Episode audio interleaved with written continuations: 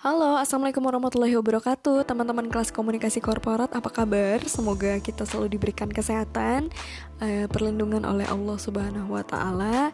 Saya juga memohon maaf lahir dan batin Minal aizin wal faizin. Karena setelah lebaran ternyata kita masih belum bisa ketemu ya. Tetap uh, kuliah online Mungkin akan sampai uas ya. Tapi ya kita harus menjalani dengan ikhlas gitu ya. Karena mau gimana lagi gitu. Um, mungkin untuk pertemuan ke sembilan ya ini ya. Ke sembilan ini saya nggak bakalan panjang lebar sih. Karena kemarin-kemarin ini kan udah terlalu banyak teori dan materi ya. Materi teori yang sekarang saya mungkin akan mengupas tentang uh, studi kasus sebuah perusahaan ya mungkin uh, saya akan mengulik sedikit tentang brand Uniqlo. Mungkin teman-teman ada di sini yang udah tahu brand Uniqlo, ya perusahaan dari Jepang ya. Ini adalah salah satu brand favorit saya sih karena dia ini apa ya untuk menampilkan penampilan-penampilan kasual dan uh, apa namanya elegan tapi simple simple tapi elegan gitu ya saya selalu menemukan uh, fashion ini di Uniqlo gitu. Ya mungkin ya buat baju kerja gitu ya baju sehari-hari yang casual gitu. Nah sebenarnya saya share ini bukan berarti bahwa saya ini memahami segala tentang Uniqlo gitu. Tapi ini ada adalah sekedar pendapat saya dan beberapa yang sudah saya dapat dari um, beberapa teman pengamat ya sama-sama pengamat tentang bagaimana kita itu bisa mempelajari insight dari brand Uniqlo untuk kita aplikasikan di dalam bisnis kita. Ya di dalam perusahaan kita. Nah Uniqlo ini dulunya um, dia itu kan tulisannya uh, Uniqlo ya pakai Q. Nah tapi sebenarnya dia ini awalnya ketika diajukan itu um, harusnya Uniqlo pakai C. Jadi U N I C L O yang artinya unique clothing ya unique clothing. Tapi karena ada kesalahan teknis ya pada saat didaftarkan haki di Jepang ya jadinya ya terdaftarnya Uniqlo pakai Q gitu. Dan pendirinya pada saat itu uh, ya udah tetap melanjutkan gitu ya. Karena ya mungkin di sini ada faktor uh, ekonomis mungkin ya kan? Nah artinya sebenarnya nama brand kita itu memang penting Tapi yang lebih penting itu adalah membangun value Membangun nilai di balik dari nama brand kita. Nah, itu yang dilihat konsum yang dilihat sama konsumen.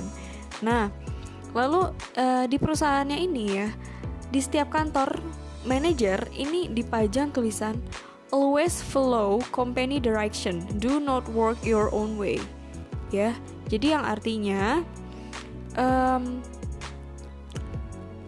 selalu ikuti ya petunjuk dari perusahaan jangan bekerja dengan caramu sendiri jalanmu sendiri gitu. Karena ini sudah ada prosedurnya gitu ya. Directionnya arahannya sudah ada.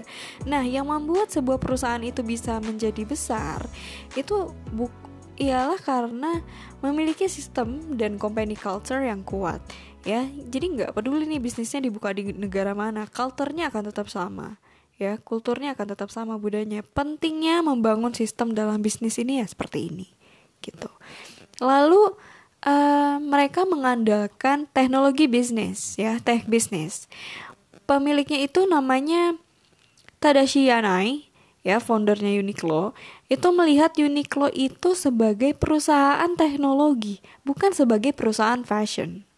Ya, ini dibuktikan dengan adanya setiap baju ya, itu selalu saya selalu perhatiin sih ada high tech gitu ya. Jadi uh, menonjolkan sisi teknologinya ya. Teknologi yang membuat pakaian itu jadi tipis nyaman gitu tetap bisa mendapatkan tapi tetap ada kehangatan gitu dan kenyamanan yang sama. Walaupun dia dibikinnya tuh kayak kayaknya tuh kayaknya tipis deh gitu tapi tetap nyaman dipakai. Nah sebagai founder itu kita harus mampu melihat sesuatu yang sifatnya tuh futuristik ya bagaimana mengembangkan brand dengan berbagai inovasi yang uh, bisa diaplikasikan. Nah, kemudian ada social campaigns juga di sini. Ya, jadi tidak hanya fokus pada business development.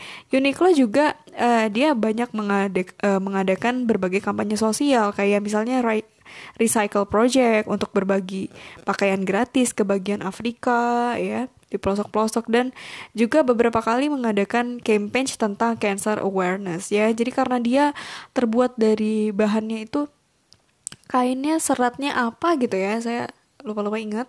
Tapi memang uh, kainnya ini kayak anti cancer gitu ya, aman digunakan gitu ya.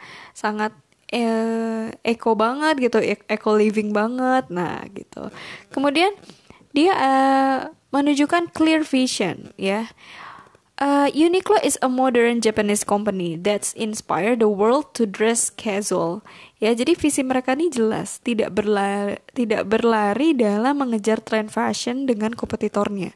Mereka itu tetap pada visi mereka. Nah, intinya bagaimana sih menginspirasi orang lain dengan berpakaian casual, gitu. Nah, makanya di sini ada core marketing campaign, gitu ya. Uh, ini juga mungkin bisa berlaku untuk teman-teman yang uh, kuliah di kampanye PR ya. Saya juga ngajar kampanye PR. Nah, ya kalau ingin memenangkan pasar, mulai invest waktunya untuk mempelajari tiga poin.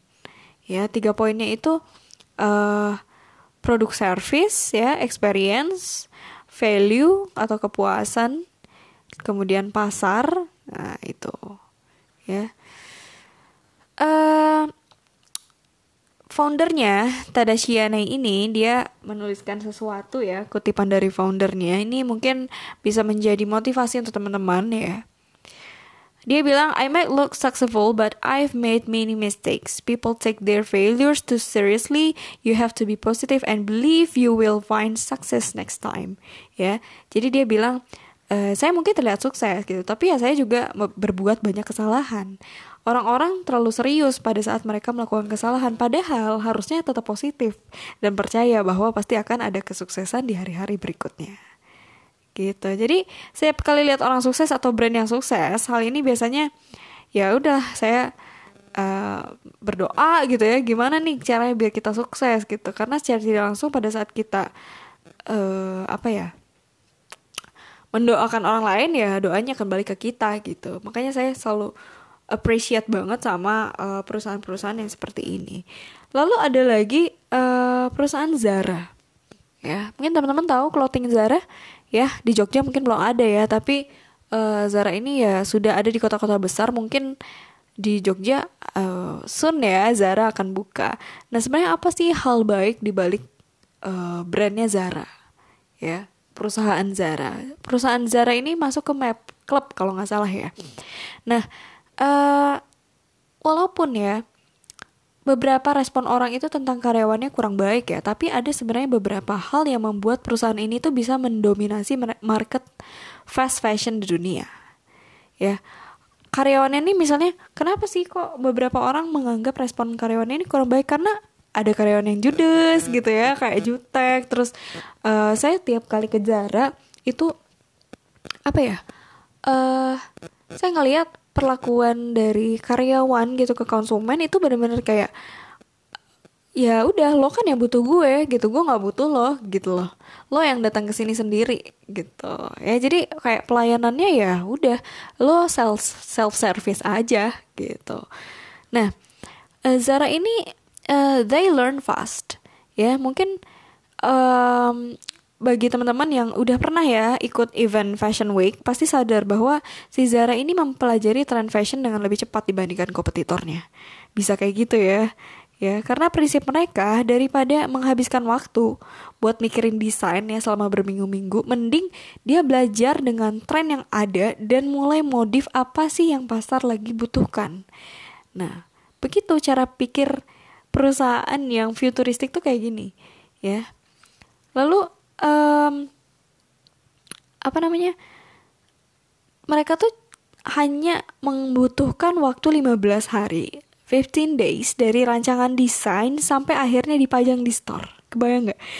Sedangkan kompetitornya itu butuh waktu 6 bulan dari mulai ngedesain sampai akhirnya dipajang di store. Wow amazing banget ya. Nah jadi kira-kira gimana tuh belasan ribu desain dalam setahun jadi sense of urgency gitu desain yang kamu lihat di Zara store hari ini ya belum tentu akan ada lagi di minggu depan. Ya besok kalau misalnya main-main ke Zara ya uh, kamu teman-teman pengen beli baju ini saat ini ya. Mendingan beli saat itu juga deh. Karena minggu depan tuh udah nggak ada serius. Ya jadi ini akan menciptakan urgensi untuk customer uh, membelinya secara cepat gitu Wow, amazing, amazing banget ya perusahaannya ya. Nah, jadi hal apa sih yang bisa dipelajari dari brandnya Zara, perusahaannya Zara untuk diaplikasikan di bisnis kita, di perusahaan kita. Jadi perusahaan itu jadilah trendsetter. Bagaimana agar bisnis kita ini tetap relevan dan update ya, memang harus berjuang untuk mendapatkan informasi update. Itulah pentingnya belajar cepat dalam memahami tren di setiap industri ya, tidak hanya industri fashion tapi industri industri yang lain juga. Karena dunia ini bergerak cepat dan jangan hanya sekedar tahu. Ya, itulah pentingnya untuk langsung eksekusi ya. Jadi uh, tetap terlihat premium ya terlihat premium harga tetap terjangkau. Tetap kita tuh ngerasa worth it banget nih belinya gitu. Bukan soal menurunkan harga tapi tentang bagaimana menyampaikan sebuah pesan ke customer kita bahwa uang yang mereka keluarkan itu sangat worth it untuk uh, mendapatkan produk yang kita ingin jual gitu. Jadi fokus untuk ningkatin value pro, uh, value produk. Nah lalu uh, misalnya ya teman-teman ada melihat ini saya bayangkan ya saya visualkan uh, ada dua dress ya atau dua kemeja uh, ini ada limited limited time over. Ya kira-kira teman-teman mau ambil over yang mana? Dress yang pertama uh, premium design dan hanya dijual hari ini saja. Nah yang kedua gaun premium yang pas buat lebaran lagi promo. Nah kira-kira lebih over yang mana nih lebih pilih lebih pilih yang mana? Yang A kan? Nah karena dijual hari ini saja itu tuh kayak ada rasa pengen cepet-cepet beli nih gitu. Daripada gaun premium atau misalnya dress premium kemeja premium yang pas nih buat lebaran lagi promo. Bisa dong dibelinya besok lagi gitu kan? Nah jadi itu jadi sukses itu berpola begitupun dengan sebuah kegagalan gitu. Tapi kita jangan pernah gengsi lah untuk belajar dari kesalahan-kesalahan ya bisa jadi itu akan menunjukkan kita ke jalan yang lebih baik gitu ya. Jadi uh, banyak lah gitu. Karena saya suka sih I love the way they learn and capture the trend ya uh, dari Zara. Jadi banyak ya yang yang bisa kita ambil gitu Nah, mungkin uh, saya segitu aja ya studi kasusnya. Nanti saya mungkin akan memberikan tugas susulan atau uh, materi secara tertulis untuk teman-teman ya. Jadi pertemuannya dihitung dua kali, pertemuan 9 dan 10 gitu. Oke, terima kasih ya teman-teman. Sampai jumpa di minggu depan. See you.